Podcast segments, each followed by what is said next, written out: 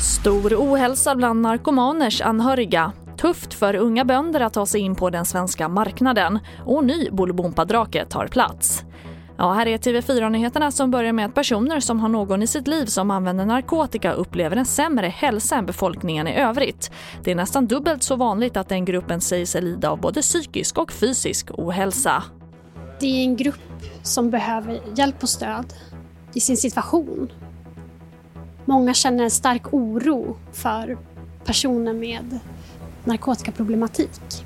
Varannan person, alltså 50 procent i den här gruppen, uppger en dålig fysisk hälsa och det ska jämföras med 26 procent, alltså en av fyra i befolkningen i övrigt.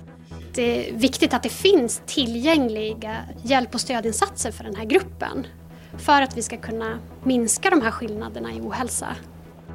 Och det sa Erika Sundin som är utredare på CAN.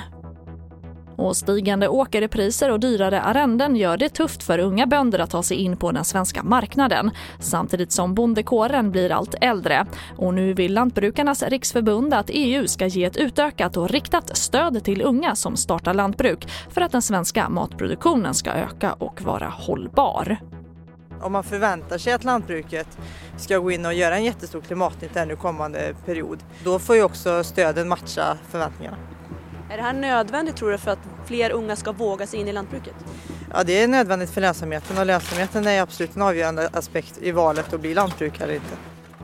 Och det sa Elisabeth Hedén, ordförande för LRF Ungdom.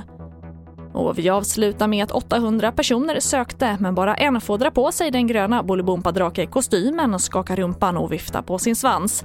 Efter en lång rekryteringsprocess är det klart att skådespelaren Cecilia Olin som tidigare har jobbat med barnprogram på SVT får axla rollen. Och det får avsluta TV4-nyheterna. Jag heter Charlotte Hemgren.